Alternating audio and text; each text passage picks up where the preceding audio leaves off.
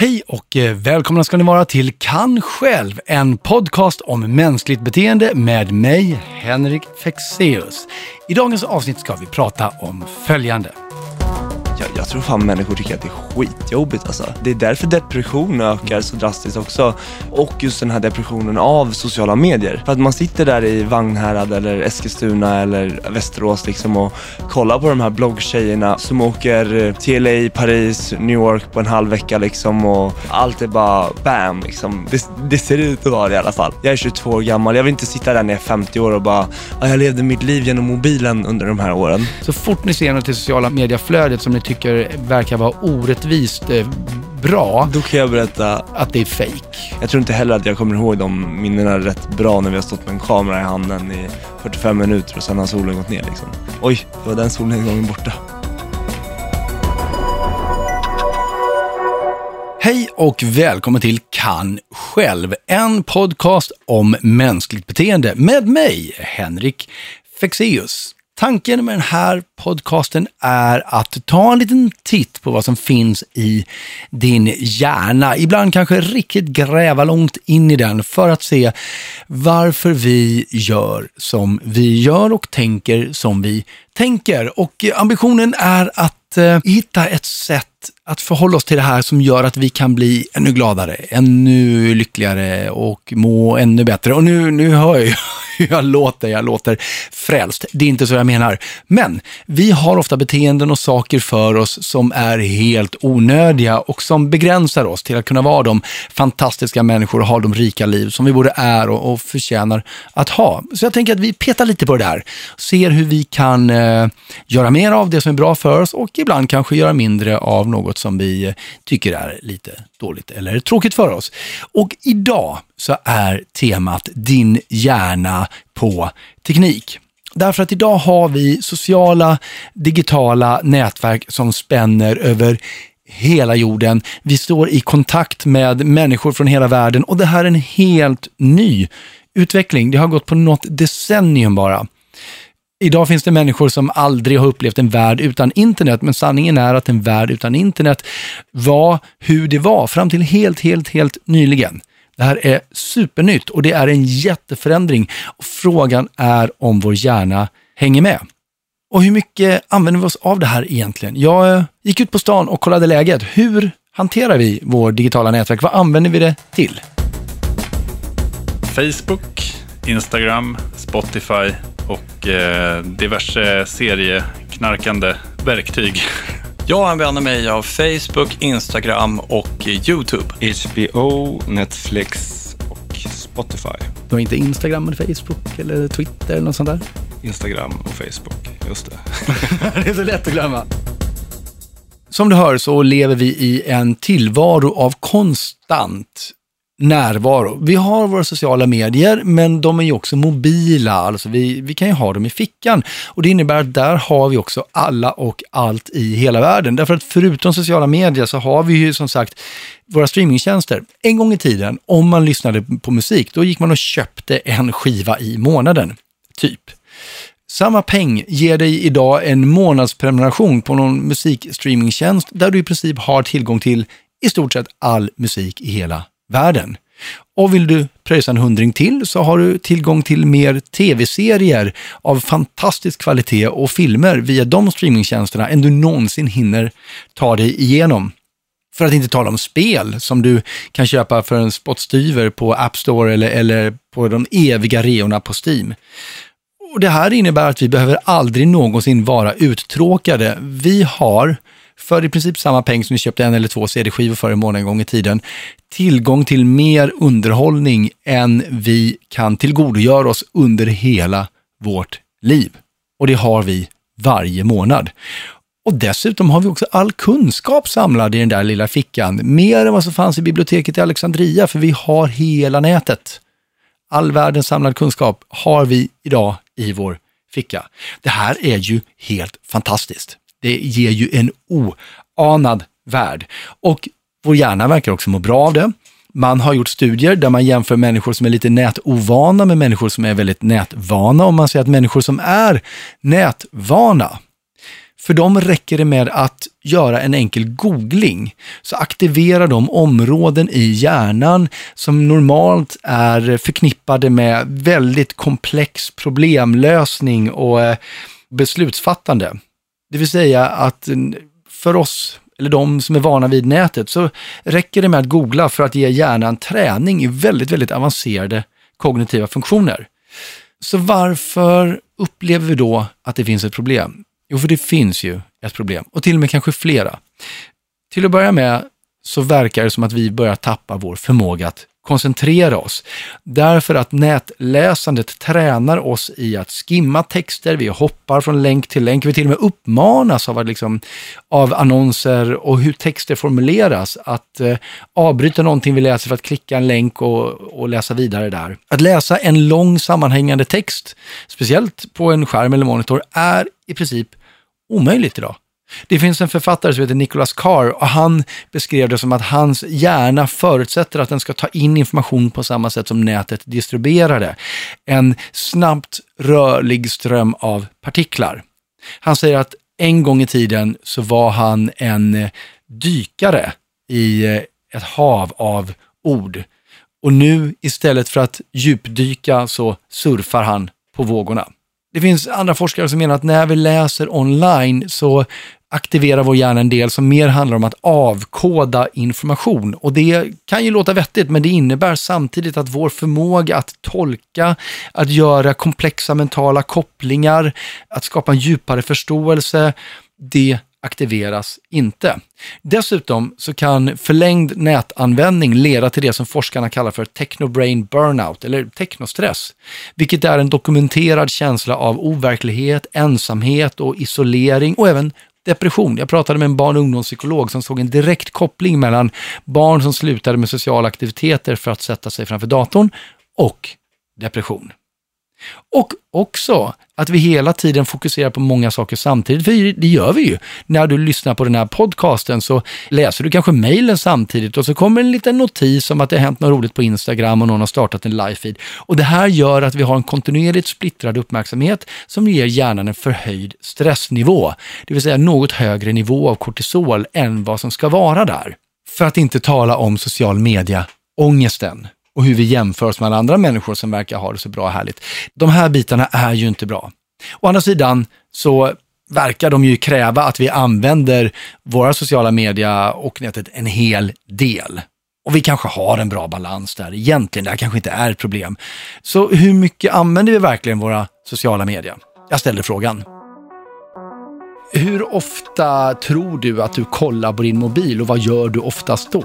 Ja, det är ju någon gång varje timme. Svara på samtal är väl majoriteten, men eh, självklart så slinker in lite sociala medier. Jag tror att jag tittar säkert mer än 40-50 gånger på mobilen varje dag. Alldeles för ofta kollar jag på min mobil och det är nog mest bara slötitta liksom. Facebook, det är Instagram, Twitter. Tre, tre, fyra gånger i timmen kanske.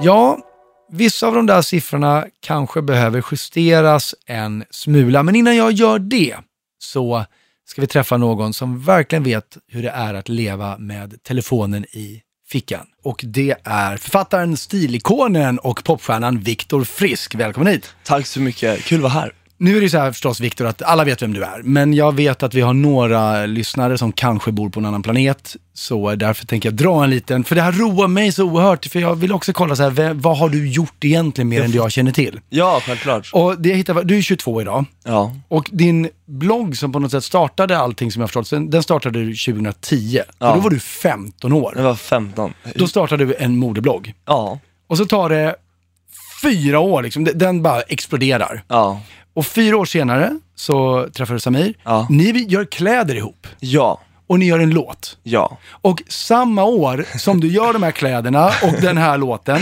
så dels så säljer ni tredubbelplatina Ja, och gör 80 gig. ja det är helt sjukt. Och då tänker jag så här, det tar ju lite tid också att ha gjort de här grejerna. Först låten och kläderna. Så, så det är inte så att ni hade 12 månader på er att vara ute och gigga, utan det var, kanske var, vad kan det vara? Sommarmånaderna. Sommarmånaderna. Och förra sommaren var ju ännu värre, då gjorde vi 92 gig. Ja, det är helt bisarrt. Och, och vad, med då, eh, vad åkte ni med då? Eh, vi åkte runt med våra låtar och åkte runt i en van alltså. Just det. Så man åker runt på alla sommarfestivaler och så runt om i hela Sverige. Och även lite i Norge var vi också. Men det, är så här, det gör man en gång och aldrig mer. Jag insåg det. Nej, nej, nej, sommaren. ni har gjort det där varje år. Ja, nästan. Ja, så det är inte alls bara en men, gång. nej jag vet, men den här sommaren var lite lugnare. Ja, okej, det var bara Ehm, 90 någonting. Ja, så att eh, det känns bra. Man får liksom hitta sin egen balans för att man ska själv må bra också. Ja. För Ja, förra det- året höll jag på att gå rakt in Ja, i det väggen. ska vi komma in på, för jag är inte klar med din bio här. För att, jag vet inte om du vet om det här, men, men eh, i år då, 2017, så eh, har, alltså ni har klockat in 100 miljoner spelningar på Spotify. Ja. 100 miljoner! Så Nu är det tur att ni inte varit ute och guggat, giggat de 100 miljoner gånger, men ändå, det är rätt mycket. Och inte nog med det, du har dessutom släppt en bok mitt i allt det här, som förklarar lite kanske allt det andra du gör. som Hela heter- resan. Som heter Min superkraft. Ja, det stämmer. Som handlar om vem du är och, och hur det är att leva med ADHD. Framförallt hur det är att leva med ADHD. Exakt. Och då kan man ju tänka sig så här, och, och framförallt så är du ju också, du är ju överallt i sociala media. Faktum är att vi, vi fördröjde ju den här intervjun med två minuter för att du gjorde en, en Insta-grej först. Ja, självklart. Det är Ja. viktigt att liksom eh, hålla följarna uppdaterade på vad man håller på med. De tycker också att det är intressant. Men är det viktigt? Men de vill ju veta allt ifrån att jag kommer hit till när poddavsnitt inte släpps liksom. Men är det så bekymmersamt, eller förlåt, bekymmersfritt för dig att du bara liksom, du får näring av att lägga upp saker på, på Insta och bara berika ditt liv med lite, lite Snapchat? För jag kan tala om att vi andra tycker att det där, är, nu pratar jag för alla människor i hela världen, det kanske jag inte kan göra, men många, och jag är en av dem, tycker att det här är faktiskt lite jobbigt, att det, att det stressar oss. Det är klart att det är jobbigt att det stressar, men anledningen till att jag faktiskt kommer ihåg att göra de här grejerna är för att det här är ju mitt jobb. Ah. Precis som någon annan går till jobbet 9 till 5 så är det här mitt jobb att liksom kunna kommunicera ut i sociala medier vad jag gör för att folk tycker att det är intressant. Okej. Och desto fler som följer mig i sociala medier, desto mer kommer jag ju liksom tjäna på kampanjer och, och musiken och men allt som du säger liksom. Allting handlar ju om att hålla sig uppdaterad men jag förstår vad du försöker komma in på och det är liksom den här stressen i sociala medier. Och jag håller med dig 100% eh, och jag själv har känt den också men jag själv har på något sätt börjat kunna känna lite mer lugn i det jag håller på med samtidigt som det är stressat. Fast jag känner lugnet. Vad, hände det någonting som gjorde att du började känna dig lugn, eller vad, vad kommer det sig av?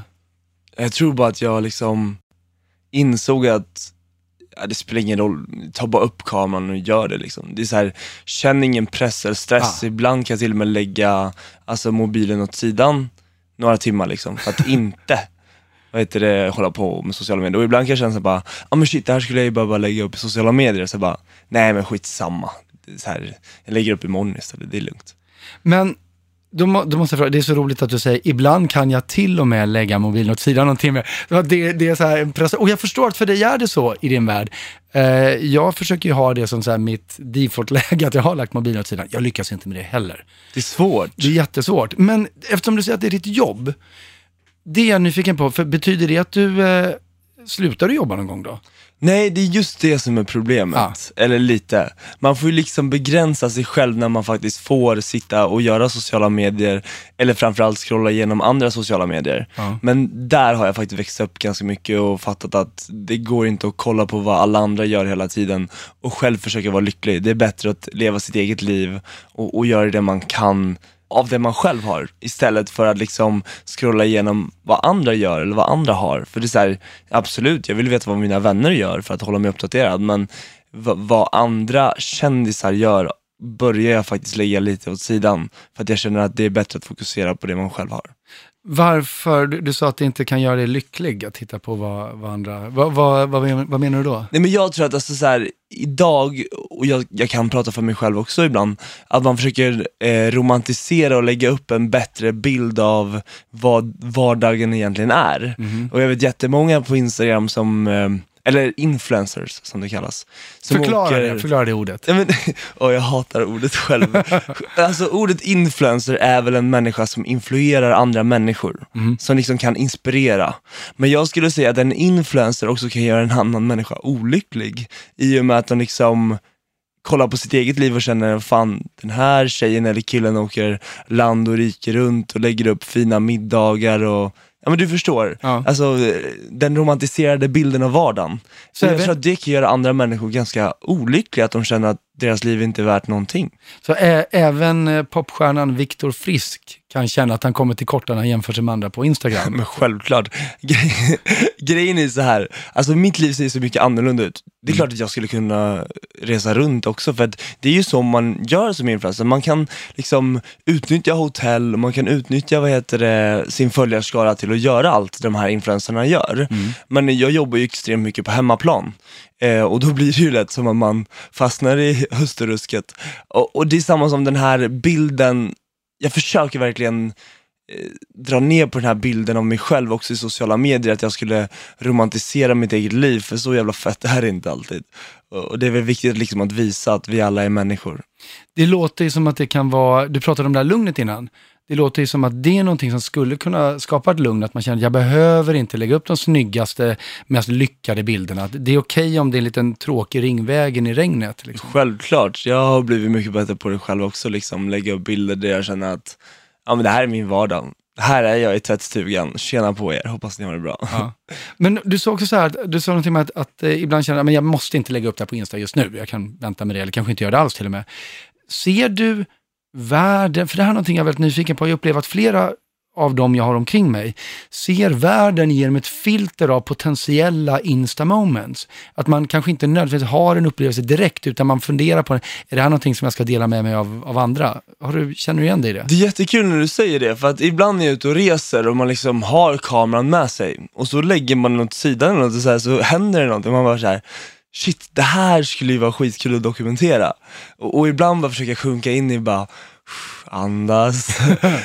och liksom så här, när jag är på semester, är det så här, okej, eh, för att inte göra mina vänner arga, eller så, inte arga men alltså de tycker att det blir jobbigt liksom. Ja. Så brukar jag säga det, okej men nu tar vi upp kameran, vi fotar i 15 minuter, men sen lovar jag att jag ska lägga ner den för hela kvällen.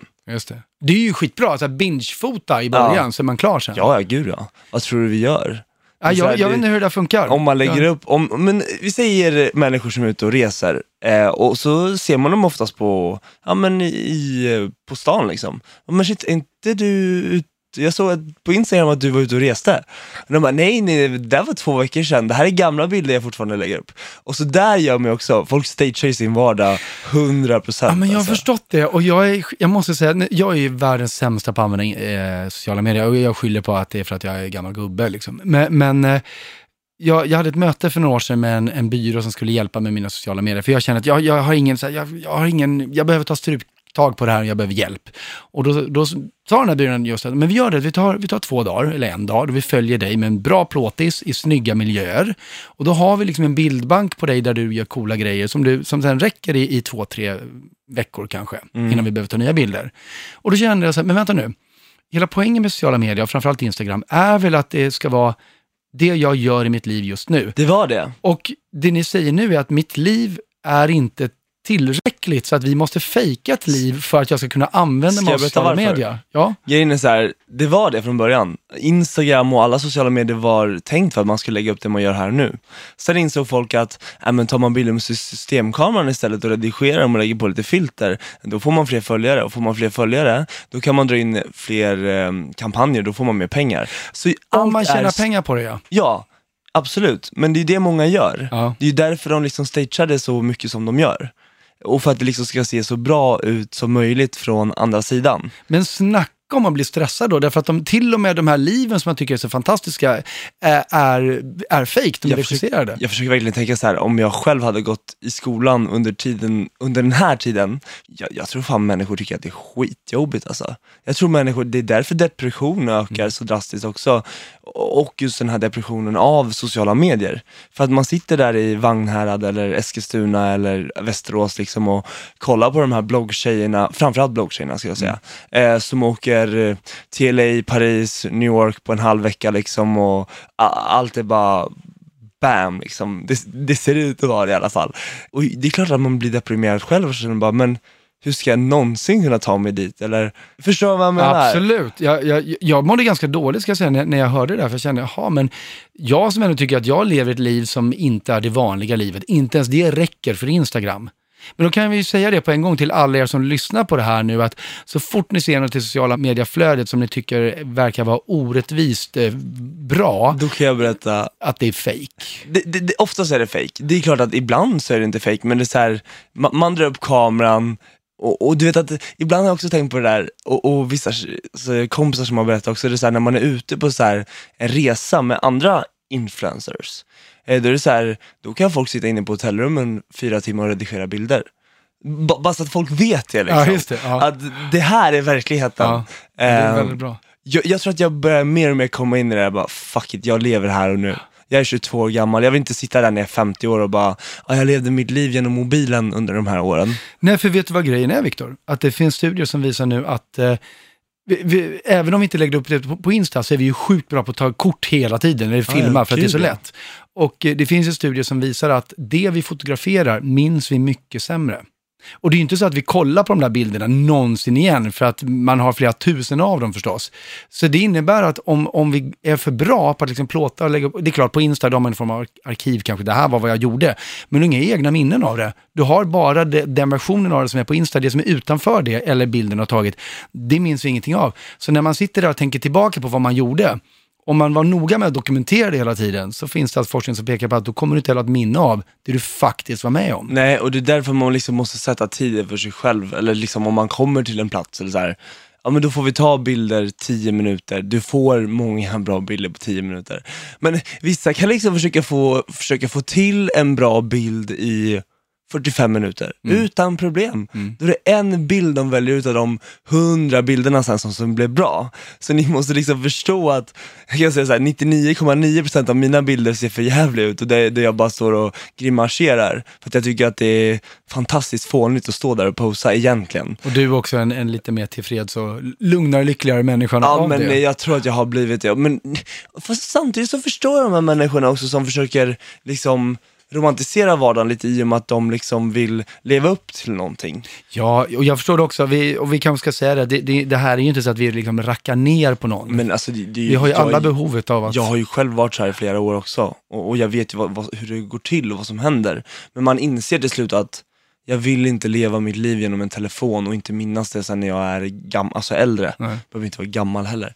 Men liksom det här, jag tror att också mycket det till att jag faktiskt har kunnat släppa lite på gränserna är ju lik, liksom också att jag har haft musiken. Mm. Jag har haft en trygg inkomst. Jag kan tänka mig många som inte har den trygga inkomsten från andra håll, att det blir extremt viktigt för dem med sociala medier. Men jag tror att det kan vara extremt viktigt även för folk som inte tjänar pengar på sociala medier. Självklart, självklart. Och, och det är det lite jag tänker också, för att du har ju även, och som många andra, även om du kanske har det mer extremt, det är inte bara sociala medier, eller i första hand kanske Instagram, handlar inte bara om att lägga upp saker, utan det är kommentarer som ska tas hand om.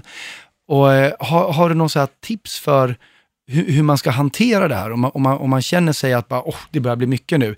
Eh, att inte lägga timmar på att redigera bilder, att välja tillfällen att ta bilder är en, en bra början. Har, har du något mer? Alltså liksom lägga tillfällen där man liksom ställer in telefonen på att nu ska jag göra det här. Du får tio minuter på dig, sätt ett alarm. Ja. För jag brukar, alltid när jag går ut och fotar någonting så sätter vi ett, jag sätter oftast ett alarm på tio minuter. För när den ringer då är det så här: okej men nu får, du- nu får du ge dig. eh, men sen också tipsen är väl så här, om man jobbar med sociala medier så varje kväll runt nio så har jag ett alarm som går igång. För, för, alltså alla de här alarmen, det är för att jag också har en ADHD-diagnos. Ja, ja, för att jag ska komma ihåg allting så måste jag liksom sätta alarm på det. Ja. Och då sitter jag och svarar på kommentarer i 20 minuter. Ett off-alarm på det också? Ja, ett off-alarm. Liksom, För att jag vill ju fortfarande svara mina följare, de som följer mig i sociala medier vill jag inter- interagera, vad säger man? Interagera? Ja, interagera med. Eh, så det är viktigt för mig, att de är med mig hela tiden. Liksom. Så slu, det, sluta inte använda, men, men strukturera och begränsa tiden. Strukturera, begränsa tiden och inse att du kommer nästan få lika många likes även om du tar bort den där finnen eller lägger på det där gula ljuset. Det är ingen fara. Så alla med gula hus har förtröstan åt det. Gula hus, Ja. gula ljus. Ja, jag hörde gula hus, gula ljus, jag förstår. Men jag är så nyfiken på en grej bara, men jag vill ta upp som eh, eh, pratade om inledningsvis. Och det, har det här varit någon form av så här mognadsgrad för att du mer och mer har kommit underfund med hur du ska hantera det, eller har det krisat någon gång helt? Det är klart att ibland så krisar man känner så här, man måste vara aktiv i sociala medier och man måste känna att man har något nytt att komma med. Mm. Men ibland känner man bara såhär bara, ja men vad fan ska jag lägga upp då? Jag sitter här och jag, nu har jag tvättat i tvättstugan och nu sitter jag och äter eh, köttbullar och, och makaroner liksom så här. Det är inte så jävla kul att lägga upp. Men ibland är det exakt det som människor behöver se, att man lever ett exakt helt normalt liv. Det är därför YouTube och eh, alltså reality har blivit så stort. I och med att det är här och nu, precis vad Instagram var från början.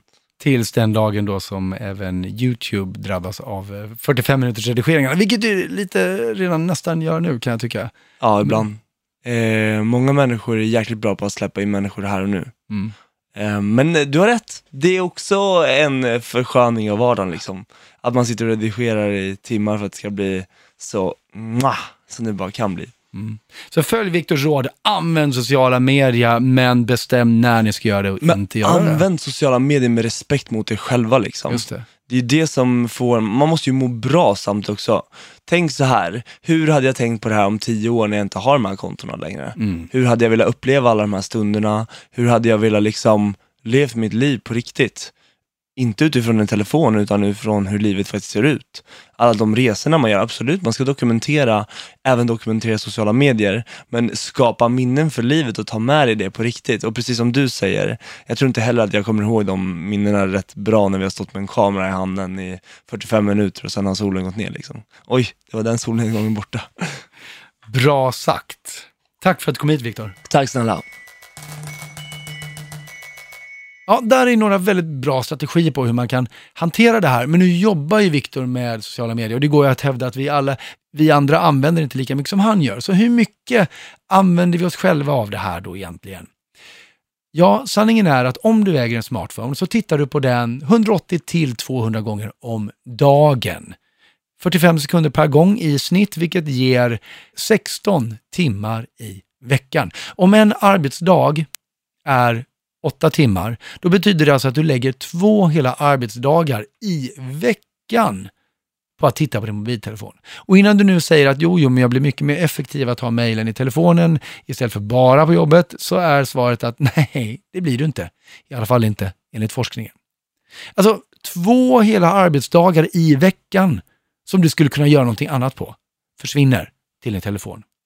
Och det är inte heller så, kom inte nu dragas med någonting att jo, jo, men jag kollar inte på tv, därför att det visar sig att eh, tv-tittandet har också ökat, alltså det vanliga klassiska tv-tittandet ökar. År 2015 så tittade svensken på tv 155 minuter om dagen. Det är 943 timmars tittande om året. Och nu pratar vi bara så här gammal tv, så här utsänd tv. Om vi lägger till streamad tv och nedladdade program så blir det 249 minuter eller 1515 timmar per år. Och ska vi då lägga till de där timmarna som var på din smartphone så får vi nu 2316 timmar om året, vilket inte ens är extremt. Det är den genomsnittliga siffran för tv-tittande, streamingtjänster och smartphoneanvändande. 2316 timmar om året. Och för att du ska förstå hur många timmar det är, om du har ett heltidsjobb och det är ett av de här åren då det är ovanligt många arbetsdagar, alla de du vet, röda dagar faller ut på söndagar istället, det är kanske skottår också, ja men då jobbar ungefär 1800 timmar på ett år. Det betyder att om du lägger 2316 timmar på telefon och smartphone, då är det alltså ett helt års arbetstid plus två ytterligare arbetsmånader. Två hela månader till utöver ett helt år, varje år. Det motsvarar 14 månaders arbetstid på ett heltidsjobb som du lägger på din telefon och på Netflix eller HBO eller, eller vad det nu är. Det är rätt mycket tid. Så då är det kanske inte så konstigt att det här inte bara förändrar vår hjärna lite grann, utan att det gör det väldigt, väldigt mycket. Och det kanske inte heller är så konstigt att det stressar oss något så oerhört och vi hela tiden tänker, åh jag hinner inte med, tänk om jag hade någon tid jag kunde lägga på andra saker. Och vet du vad? Den tiden har du. Faktum är att om du så bara tog bort en tiondel, det är ingenting, en tiondel av ditt teknikanvändande, så skulle du fortfarande ha 230 timmar om året som du kunde göra andra grejer på och slippa vara stressad. Och lek sen med tanken att du kanske var femte gång, 20 procent, tar bort gör någonting annat, inte lägger upp på Insta. Bara var femte gång du ska göra ett Insta-inlägg eller ta upp din telefon, inte gör det. Det ger dig 500 timmar per år att vila och göra det här som Viktor berättar om att man kan göra när man väljer att lägga bort sin telefon. Så här kommer en liten övning om du känner att du behöver få koll på din egen användning. Lägg några gem eller en tandpetare eller en, en, någonting i fickan liksom, som är ett, ett antal av. Och varje gång som du eh, tar upp din telefon, får titta lite på den, så flyttar du över ett sånt här gem eller en sån här tandpetare från en fickan till den andra fickan. Du kommer ganska snart märka hur snabbt det går innan fickan är tom. Och när du ser hur mycket det är så kan du använda samma teknik för att notera när det är, blir, säg var, fjärde, var femte gång eller varför inte var fjärde om du är riktigt modig. Och lägg tillbaka det gemet i samma ficka igen och lägg ner telefonen. Och använd den tiden till någonting använt. Varför inte bara tänka själv? Och därmed minska stressnivån i din hjärna. Eller om du är med andra människor, fokusera på dem en stund och träna din empati. Testa att göra det här i en vecka och se hur mycket roligare det blir. Och jag hoppas att vi hörs igen i nästa avsnitt av Kan själv, en podcast om mänskligt beteende med mig, Henrik Fexeus.